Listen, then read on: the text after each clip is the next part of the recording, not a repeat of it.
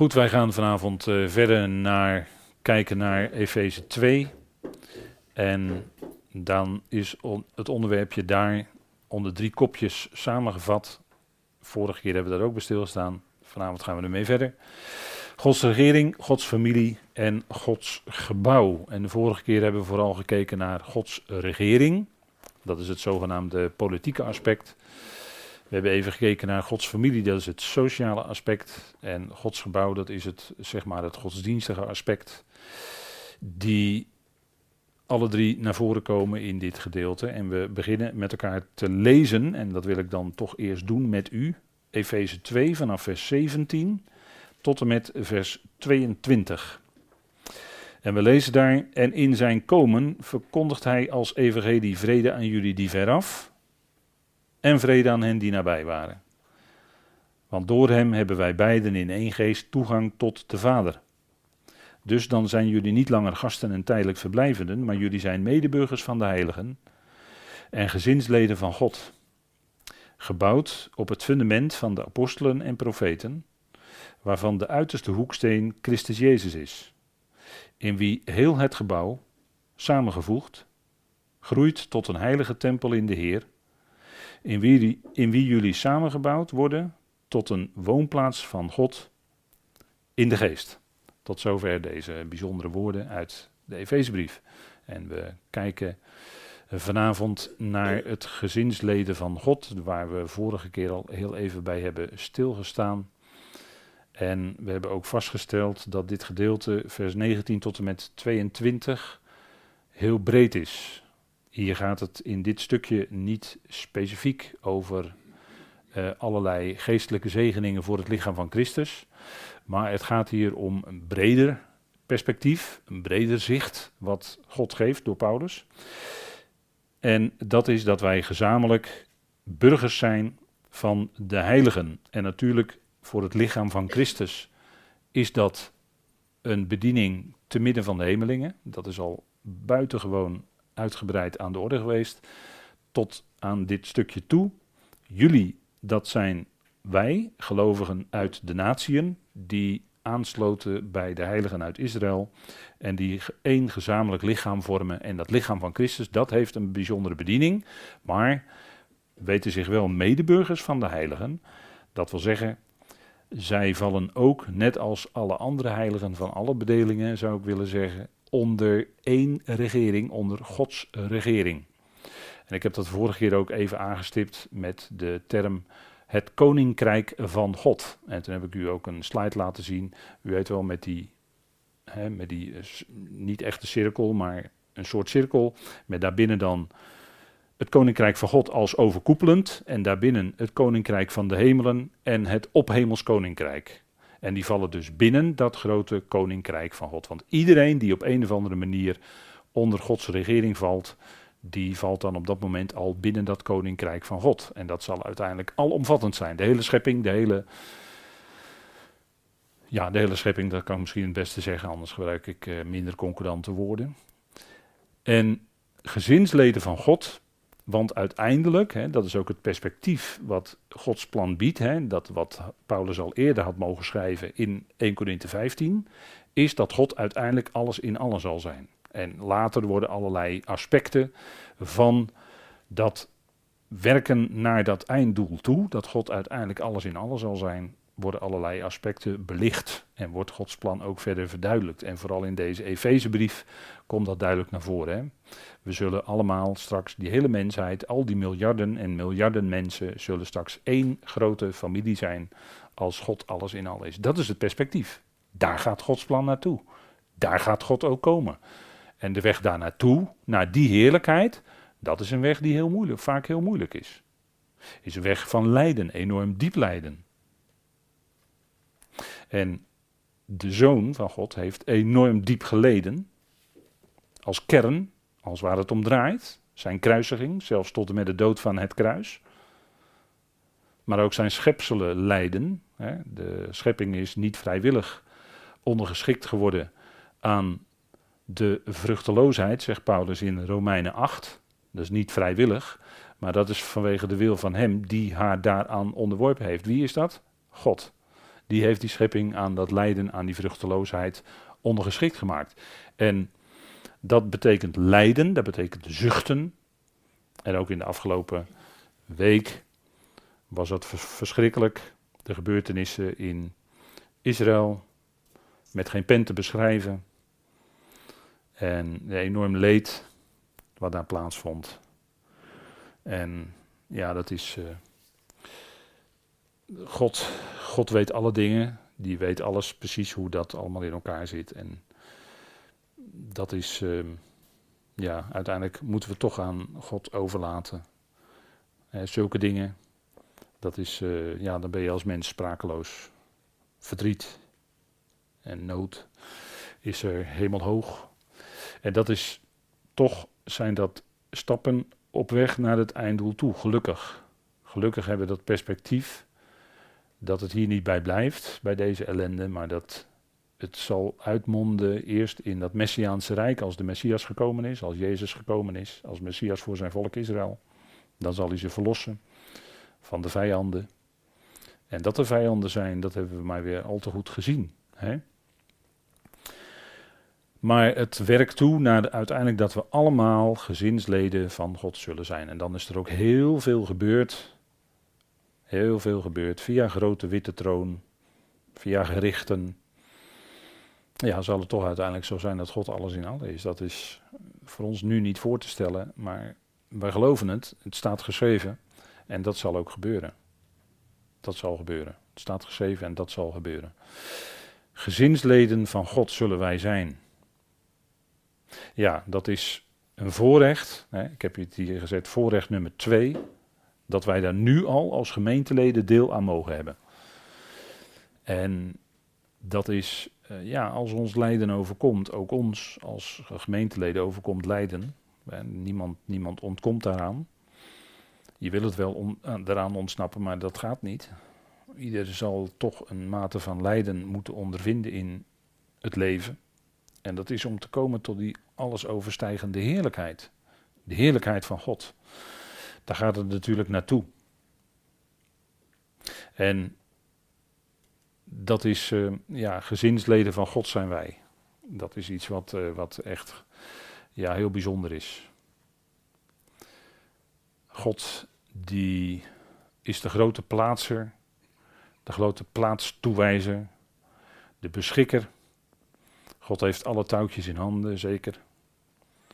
En het gaat toch, zoals God het heeft voorzegd, in de profetieën. En we moeten natuurlijk niet uitvlakken dat datgene wat in de profetieën staat geschreven, dat het ook bewerkelijkheid wordt. En dat zien we dan ook in onze dagen. wat geprofeteerd is door de profeten, dat krijgt zijn beslag.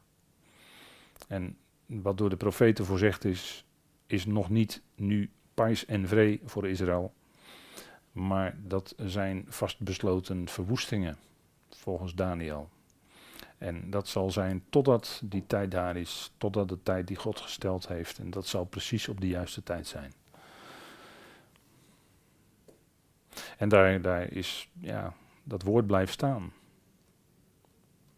Kijk, daarom is het zo waardevol dat, dat we God mogen kennen als een God die spreekt. God spreekt. En dat spreken van God, dat geeft licht. En we hebben licht nodig in ons leven om verder te kunnen kijken, misschien maar net voor die ene stap die je moet zetten in je leven. En het geeft ook het noodzakelijke licht, hè, want in het woord was leven, zegt Johannes in Johannes 1, niet alleen leven, maar ook licht.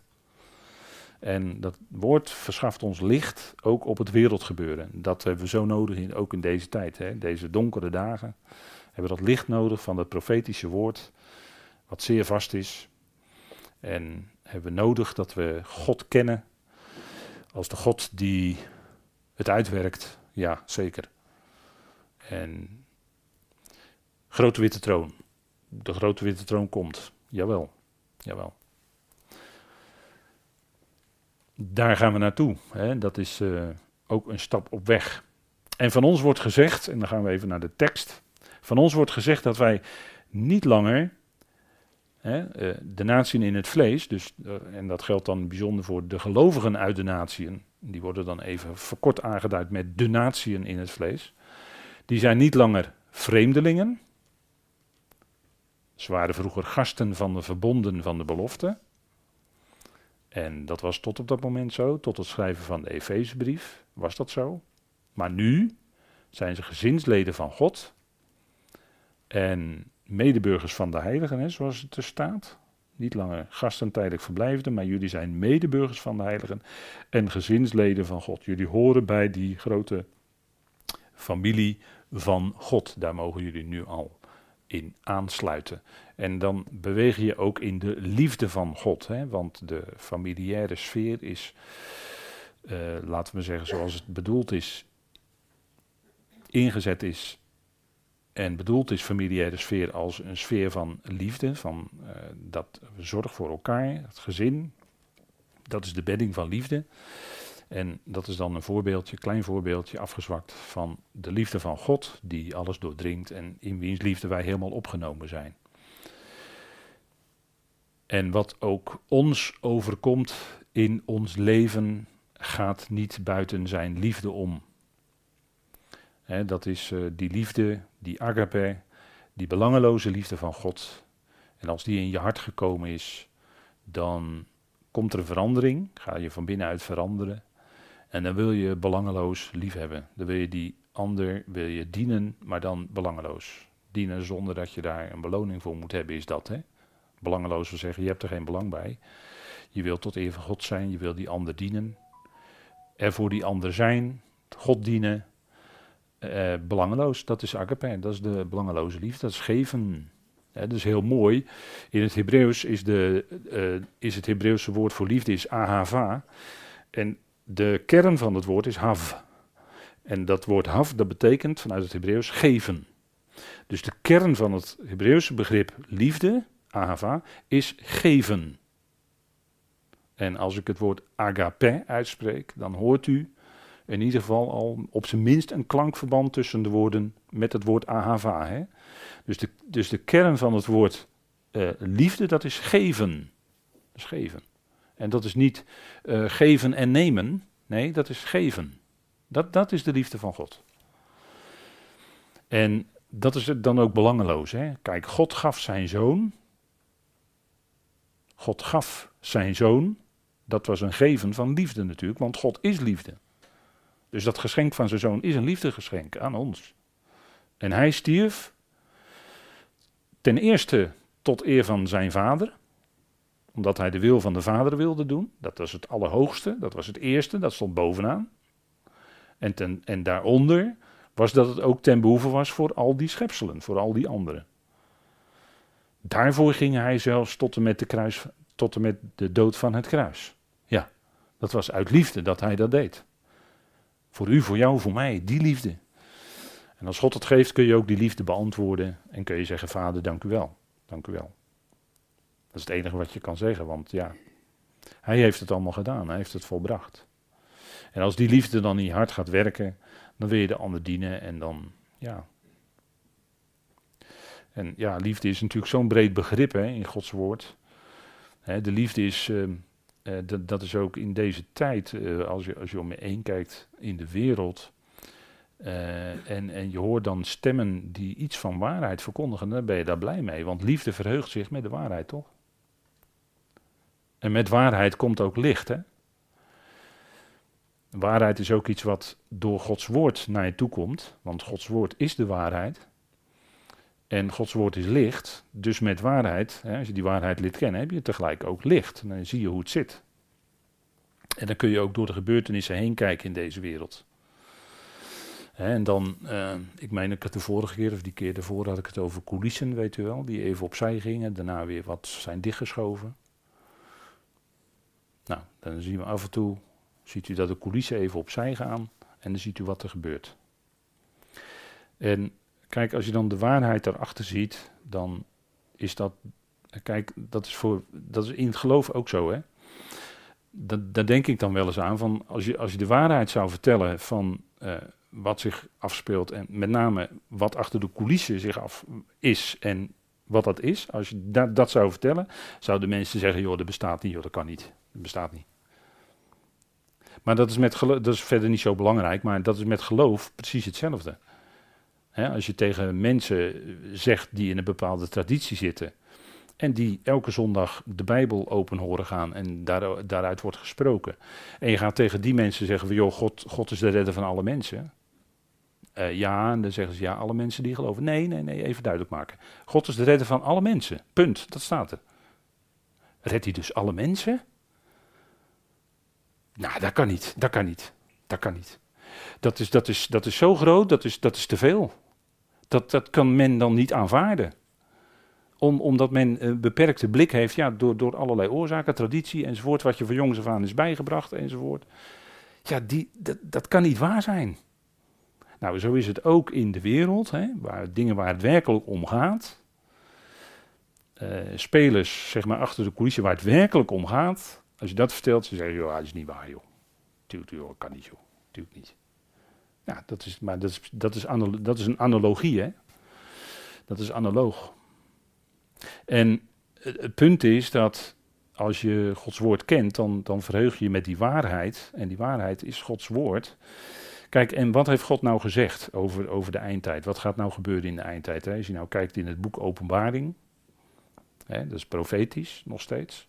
Maar als je daar nou in kijkt, hè, in leest, dan zie je dat in de eindtijd zal die tegenstander, wat hem bij de Heer natuurlijk niet lukte, hè, want hij zegt, als je mij nou aanbidt, Heer, of als je mij aanbidt, dan zul je al die koninkrijken krijgen die ik jou getoond heb. Nou, de Heer deed dat natuurlijk niet. Want die, die hield Gods woord voor. Die zegt: Nee, eh, ik, ik ga alleen de Heer, mijn God aanbidden. En niet, niet jou. Maar die tegenstander is toen al erop uit, maar in de eindtijd nog veel meer. En dan gaan we natuurlijk steeds dichter tegenaan zitten. Tegen die echte eindtijd die in Daniel en Openbaring staat. Die tegenstander gaat die aanbidding van die hele mensheid opeisen. He, waarin zij het beest aanbidden, hebben we duidelijk gezien met de studies Openbaring, aanbidden zij in feite de draak. Daar gaan we naartoe. Dus kijk, als er nu in de wereld dingen gebeuren die met geen pen te beschrijven zijn, die te verschrikkelijk zijn om door te vertellen, om op te schrijven, noem maar op. Dan moet u zich goed realiseren dat het een uiting is van gigantische duisternis. En dan moet u zich ook goed realiseren waar deze wereld naartoe op weg is. En dat we daar dus heel dichtbij zitten. En, en ik zeg misschien wel tot vervelens toe, vergist u zich niet, want in die wereld en in die fase van de tijd leven wij. Ik denk dat dat duidelijk mogen zijn. En ehm, dan is het zaak om, uh, ja, wat, wat wil je dan? Wat wil je dan? Ja, uh, ja, natuurlijk. Ik bedoel, je kunt alleen voor jezelf spreken. Maar wat wil je dan nou? Dan zeg je, nou, vader, ik wil heel dicht bij u leven. Ik wil heel dicht bij u leven. Heel dicht. Want ja, het gaat, het gaat steeds meer los in deze wereld. En dan begrijpt u wel wat ik bedoel, hè? Gaat steeds meer los. En daar zou je bijna vreesachtig en bang voor worden. Maar als je dicht bij vader wil leven, mag leven, leeft, dan denk ik dat door die liefde van de vader, die vrees en angst, die, wat iets heel menselijks natuurlijk is, emoties, maar die krijgen dan veel minder kans, laat ik het zo zeggen. Ik denk dat dat heel belangrijk is voor ons. Dicht bij vader te leven, dus ook dicht bij dat woord. Hè, dat woord steeds jezelf daarmee te voeden. Dat is, dat zijn, dat is gezonde voeding, Gods woord. Hè. En je bent tenslotte ook gezinslid van God. Hè? En in een gezin luisteren de kinderen naar de ouders. Nou, wij zijn ook in Gods familie, in Gods gezin. Dus naar wie luisteren we dan? Nou, naar vader natuurlijk. Ik bedoel, dat, dat ligt nogal uh, behoorlijk voor de hand, hè. Dus ja, dat, dat, denk dat dat in deze tijd heel erg geboden is, hè. En, en um, ja, ik denk dat voor, voor, zoals we hier zitten, denk ik dat het voor ons niet zo nodig is om... Uh, om, hoe moet je dat nou zeggen, een por in je ribben te krijgen om eens een beetje wakker te worden. En, en dus echt uh, met de dingen aan de slag te gaan. Dat hoef ik denk ik tegen u niet te zeggen. Maar ik denk dat anders gebeurtenissen die in deze wereld plaatsvinden, nou, die gaan je toch wel wat wakker schudden, denk ik, lijkt mij. Hè? Dat denk ik wel. We zijn gezinsleden van God. We horen bij Hem, we horen bij God, de Vader. En dat is wat we verheugend mogen constateren. En God is onze redder. En hij bewaart ons dan ook van wegen die niet tot zijn eer zijn. En dat is natuurlijk heel fijn. Kijk, Israël, in Israël, als we het even hebben over gasten, gasten. In Israël werd de vreemdeling de gast van een familie als die op reis was door het land.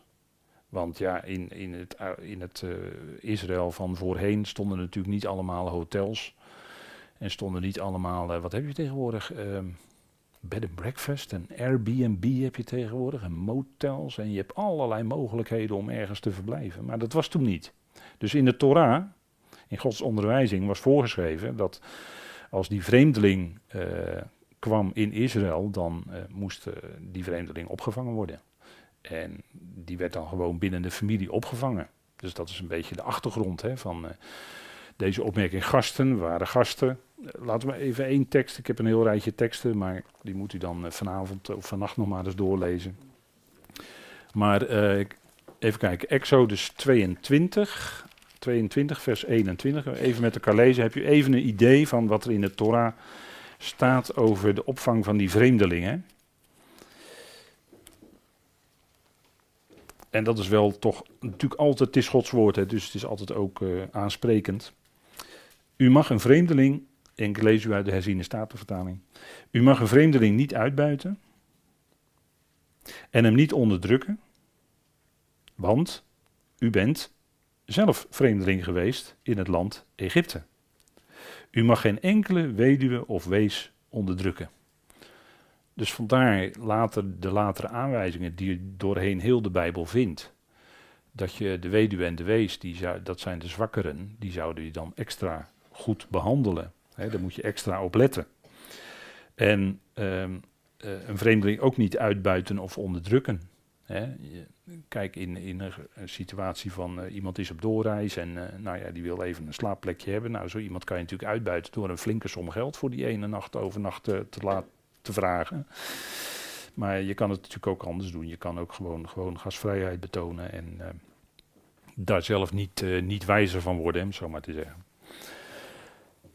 Dus zo moest de vreemdeling opgevangen worden en zo was dat voorgeschreven in de Torah. En uh, dat was alsof het een, uh, iemand van het volk zelf was. Hè. En weet u, toen zij uit Egypte trokken, uh, wegtrokken met, met, met ja, honderdduizenden trokken ze uit Egypte weg. Toen ze bevrijd waren onder Mozes. En toen gingen er ook heel veel vreemdelingen mee. Dat waren niet alleen Israëlieten. Maar met het volk reisden ook een heleboel vreemdelingen mee. En die werden dus ook gewoon opgenomen in dat volk. Die konden gewoon meewandelen door de woestijn enzovoort. Die zagen ook die wonderen van die hij deed. Het manna enzovoort, weet u wel. Waarin hij voorzag water, water uit de rots. Was ook hè, een keer, water uit de rots. En um, wat ook wel een mooie geschiedenis is, is Mara en Elim. Hè. Het water was eerst bitter. En toen kwam er hout in op een of andere manier, hout. En toen was het water niet meer bitter. Dat is toch wel mooi, hè? Mara en Elim. Ja. 70 palmbomen waren daar, geloof ik. En 12 waterbronnen. Nou, denk er maar eens over na wat dat allemaal te zeggen heeft. Daar zijn ook wel studies van hoor. Maar dat is altijd heel mooi. Ik vind die typologie altijd heel mooi. Dat, dat vind ik prachtig in de schrift, typologie. Het verwijst allemaal natuurlijk uiteindelijk naar degene die water geeft. Levend water, zijn geest. Water van zijn woord. Water is ook een beeld van genade. Water is ook een beeld van zijn geest. En hoeveel water is er niet in deze wereld? Er is meer water dan land hoor. Is dat niet een beeld van hoe overvloedig God is met wat hij geeft? Denk er maar eens over na, zou ik zeggen. En, en zo zijn er natuurlijk nog veel meer, hè? veel meer van die dingen. Die bijzondere waarheden in typologie uitbeelden. Hè? Ik, ik, noem, uh, ik moet denken aan Coloquinte. Heeft u wel eens van gehoord, Coloquinte? Zoek, maar eens op. Ga maar eens opzoeken. Die geschiedenis over de Coloquinten. Dat is ook wel aardig. Of uh, de dood in de pot. Dat was dus ook zo'n geschiedenis, hè? En wat het dan betekent, dat is dus, ja, prachtig. Maar goed, we gaan gauw verder, want uh, daar gaan we vanavond niet te lang bij stilstaan. Dat soort uh, mooie typen. Trofimus was in Jeruzalem een gast, oftewel een vreemdeling. En daarmee was Trofimus, waar een enorme rel uit ontstond. Hè? Want dat, daar zorgde de tegenstander natuurlijk wel voor. Hè? Paulus die was in Jeruzalem en uh, had Trofimus bij zich. En de tegenstander zorgde er dan voor dat er een lastenpraatje, een leugentje, over Paulus de ronde deed. En dat veroorzaakte een enorme rel. Maar het was wel gebaseerd op een leugen. Dus als mensen van jou kwaad spreken, als het liegend is, ja, daar hoef je eigenlijk niks van aan te trekken. Ja, in Paulus' situatie toen veroorzaakte het wel een enorm oproer. En zo was het natuurlijk wel vaker. dat, dat, uh, ja. Maar dat is vaak zo, hè, met, met die lieflijke voeten, weet je wel. Daar hebben we het onlangs ook over gehad, hè, lieflijke voeten uit Jezaja. Als er lieflijke voeten zijn die uh, boodschappers zijn van het goede, kan het best zijn dat er een, zomaar een lasterplaatje of een leugenpraatje erachteraan komt. Weet u waarom dat is? Omdat het lieflijke voeten zijn, omdat die iets goeds vertellen, het woord van God. En dat is de tegenstander niet zo opgesteld. Want dat is in de geestelijke wereld speelt het toch vaak wat anders dan uh, alleen onder mensen. En uh, u moet zich niet. Uh, hè, u weet natuurlijk dat als je handelingen bijvoorbeeld leest, het boek Handelingen, dat als er iets op geestelijk iets gebeurt, geestelijk terrein iets gebeurt, waardoor God, Gods geest doorwerkt, doorbreekt, waarin het woord doorbreekt, dan kun je er bijna op wachten, dan komt er een reactie, wat wij dan altijd zeggen van de andere kant. Daar kun je dan op wachten. Dat is altijd zo. En dat is omdat het een geestelijke strijd is. Het is zelfs, Paulus gebruikt zelfs het woord stratuo en dat betekent oorlog voeren. Dat zegt hij ook tegen Timotheus. Dat hij een goed soldaat, hè, dus dat woord wordt ook gebruikt. Hè. Zijn natuurlijk, u, zegt ja, dat is allemaal beeldspraak. Ja, maar wel wordt het woord soldaat gebruikt. Hè. En het is dus een geestelijke oorlogvoering waarin u, wij als gemeenteleden betrokken zijn. Dus je moet natuurlijk wel ervan uitgaan dat daar waar u met dat woord van God doordringt, in mensenlevens misschien wel en, en noem maar op, waar, als God dat geeft, dat er dan ook een reactie gaat komen van de andere kant. en als dat woord in jouw familie bijvoorbeeld doordringt, kan het best zijn dat ergens in jouw familie en naar jou toe een enorme heisa ontstaat. En dan moet u zich maar afvragen waar die heisa dan vandaan komt. En als u een, gelovige bent en u heeft de wapenrusting aan uit Efeze 6, dan weet u dat. Dan bent u alert. Waarom gebeurt dat? En dan ben je ook op je hoede. Dan laat je ook niet meeslepen in een of andere kwestie uh, met, met uh, allerlei toestanden. En dan ga, je ook niet, uh, tegen, dan ga je ook niet in tegen bloed en vlees. Hè? Hè, over familie gesproken, bloed.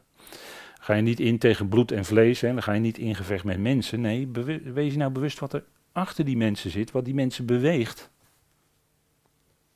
En, en dan snap je de heisa.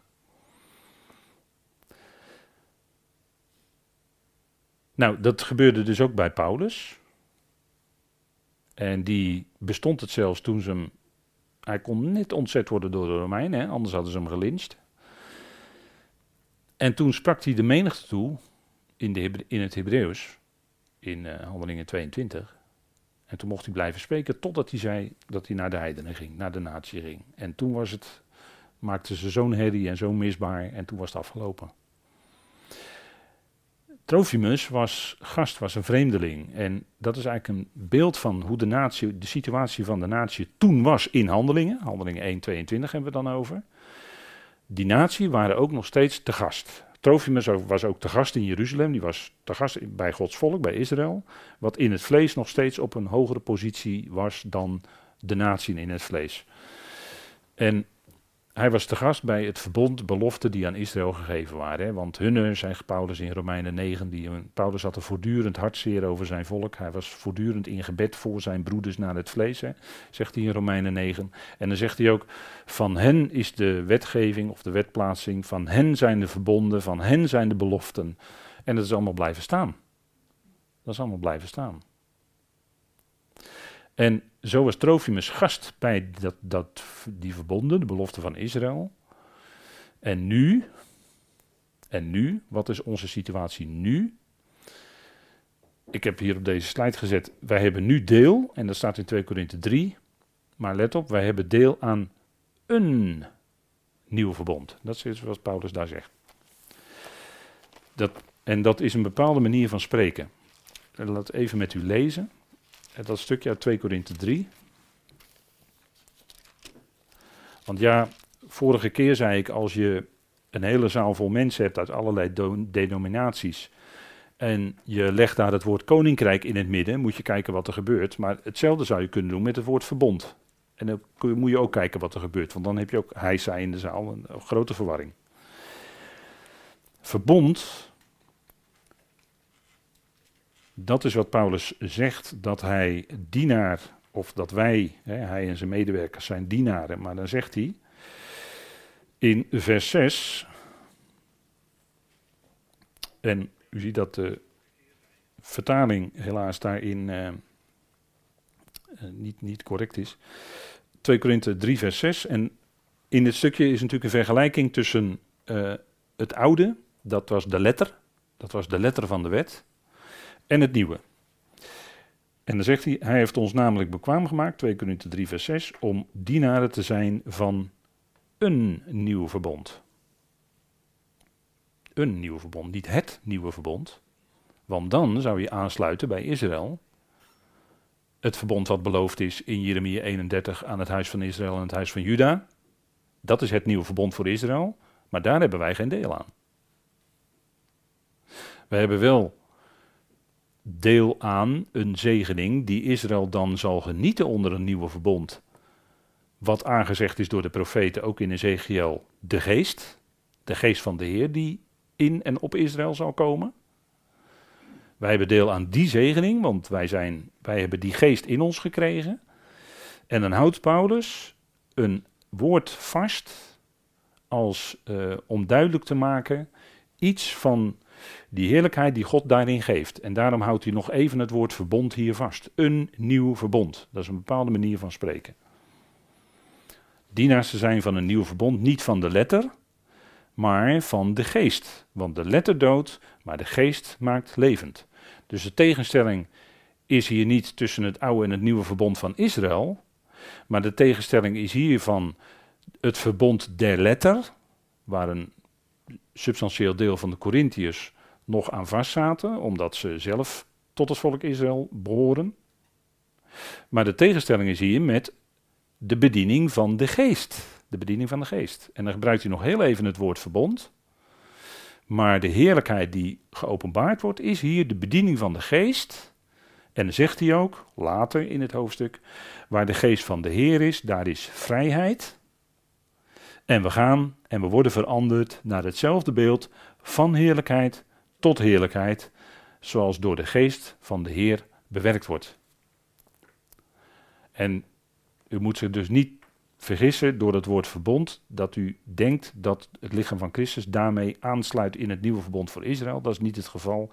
De zegeningen die wij hebben ontvangen zijn meer en gaan verder dan de zegening die in Israël is beloofd onder het nieuwe verbond. Dus daarin, hè, dus u moet goed die vergelijking vasthouden die Paulus hier maakt. Hè. De tegenstelling is tot dat verbond, hè, de letter en de geest. En dat is wat, uh, wat, ja, wat altijd voor verwarring zorgt, hè, omdat dan zo'n woord gebruikt wordt. Net zoals bij de, ik kan nog wel een voorbeeld noemen, in de Colossensbrief hebben gezien, waarin Paulus het woord koninkrijk gebruikt. Ja, we zijn overgezet in, de koning, in het koninkrijk van de zoon van zijn liefde. Maar dat wil nog niet zeggen door het gebruik van het woord koninkrijk dat we delen hebben hier aan een grondgebied op aarde. Die denkfout moeten we dan niet maken. Nee, wij zijn in die geestelijke regering van de zoon van zijn liefde geplaatst. Geestelijk gezien. Niet waar, wij hebben er geen enkel lotdeel hier op aarde beloofd gekregen, nergens. Dat is voor Israël. Wij hebben een lotdeel boven te midden van de hemelsen. Maar onze zegeningen zijn in Christus, die zijn geestelijk. En niet op aarde. Nou, dat is ook zo'n voorbeeld. Paulus gebruikt dan het woord koninkrijk en dan spreekt hij zelfs nog over vergeving van zonden. Maar dan moeten we dat wel zien in dat hoge niveau waar hij dan over spreekt. Die koningsheerschappij van de zoon van zijn liefde. En dan hebben we in wezen veel meer dan alleen het platte, of nou plat is het verkeerde woord, maar alleen die vergeving van zonden. Maar dat is overstromende genade, dat is veel meer heerlijkheid. Maar hij houdt nog even die terminologie vast om die waarheid voor ons als gelovigen duidelijk te maken. Dat is het punt.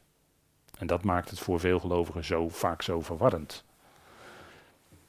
Maar daarvoor proberen we een beetje met elkaar te zoeken, toe te lichten, te kijken wat bedoelt Paulus nou precies. Met wat hij gebruikt. Wij, zijn, wij hebben deel aan die geest. Hè. Die geest is in ons, daar zijn we mee verzegeld, daar zijn we mee gezalfd, zegt hij ook in de tweede Korinthebrief. Het is de bediening van de geest die een veel grotere heerlijkheid is dan de bediening die ooit aan Mozes aan Is en Israël was gegeven. En dan zegt hij ook, hè, we zijn gezinsleden van God. Hoe zijn we dat geworden? Nou, doordat we die toedeling van Gods geest hebben ontvangen. En, en wij kennen God, mogen God kennen als Vader, we mogen hem aanroepen, omdat hij tenslotte ook de Vader van de geesten is. Wij roepen hem aan met Abba, hè, dat is het Aramese woord, en Vader, dat is dan het Griekse woord. Hè. En zo mogen we hem kennen. Abba, Vader. En misschien zijn er wel eens situaties in je leven dat je eigenlijk niet kan bidden, maar dat je alleen maar uit kan roepen: Abba, Vader. En dan leest Vader je hart. En kent al die woorden. En kent al die emoties die in je zijn. En kent al dat lijden. Kent al dat verdriet. Wat er is over je situatie van je naasten, van die medebroeders en zusters. En, en noem alles maar op. Over wat in de wereld gebeurt. Wat met Gods volk Israël gebeurt. Ja, ja, en Paulus, die, als hij dit geheimenis heeft doorgegeven van de Efezebrief, dan kan hij nog maar één ding doen. En dat is wat hij zegt in Efeze 3, vers 14. Eh, Ten behoeve hiervan buig ik mijn knieën voor de Vader. En dat is wat wij ook het beste kunnen doen. Hè? Onze knieën buigen voor de Vader van onze Heer Jezus Christus, naar wie iedere vaderlijke verwantschap, hè, daar wordt wordt het woord patria gebruikt, dat is afgeleid van het woord pater, hè, vader. Aan naar wie iedere vaderlijke verwantschap in de hemelen en op aarde genoemd wordt. Dus dat al dat gezin, leven, al dat wat wij kennen uit het gezinssituatie, familie, dat is allemaal afgeleid van die ene vader. En dat is wat uiteindelijk die hele schepping, die hele mensheid zal omvatten. En als Paulus dat weer ziet en hij heeft daarvan mogen schrijven, dan kan hij nog maar één ding doen, dat is zijn knieën buigen. Nou, zoveel heerlijkheid, ja, dan kun je alleen maar je knieën buigen en God danken, loven en prijzen. En dat is wat hij dan ook doet hè, in Efeze 3. Dat is in feite het hart van de brief. En dat is wat wij ook mogen doen. Hè. God is de vader van de geesten, God is onze vader. En dat geldt ook voor Israël. Israël kan ook tegen Yahweh zeggen, ja, hij is onze vader. Zo werd het ook in de profeten genoemd en zelfs in Deuteronomium al waarin het volk mocht zeggen, Yahweh is onze vader. En dat is ook zo natuurlijk, dat is ook zo. Hij had zijn zoon, dat is Israël, hij had zijn zoon geroepen uit Egypte. Ja, en dat kunt u op verschillende manieren invullen, deze uitspraak. Hij had zijn zoon geroepen uit Egypte. Dat ging over Israël. En dat ging over Jozef. Dat ging later over de Heer Jezus Christus zelf natuurlijk. Daar wordt die uitspraak ook op toegepast. En dat zal nogmaals blijken. Nou, dat is denk ik uh, bijzonder. Hè? Kijk, zulke uitspraken die hebben in de schrift gewoon meerdere lagen. En dat is, dat is wel fijn om te zien. Dat, kijk, dan zie je ook een stukje gelaagdheid van het woord van God dat is een woord wat door God gesproken is en wat nooit leeg zal terugkeren. God heeft het gesproken, hij, heeft, hij laat het klinken door de profeten en hij neemt nooit een woord terug. Dat hoeft God niet te doen, want hij heeft altijd het juiste gezegd. En de woorden die hij heeft gesproken, die zijn zevenvoudig uh, gezuiverd, zegt de psalmist. Dus hij hoeft daar geen woord van terug te nemen. God, God, dat hoeft God ook niet te doen. Mensen wel, mensen moeten soms een excuses aanbieden, hun woorden terugnemen enzovoort. Want ze hebben er wat uitgeflapt of wat niet fijn was of weet ik wat. Of ze zijn voor de rechter gedaagd of noem maar op. Maar God niet. Want God is waarheid en wat hij spreekt is per, per definitie waar. En zal ook het werk doen waartoe hij dat woord uitgestuurd heeft. Natuurlijk, het is Gods woord. Het zijn niet zomaar mensenwoorden die we geloven. Nee, het is Gods woord. Dat is wat Paulus de Thessalonicense ook over waarderend over schrijft. Dat ze dat die woorden die ze hadden gehoord van die boodschapper Paulus en, en medewerkers.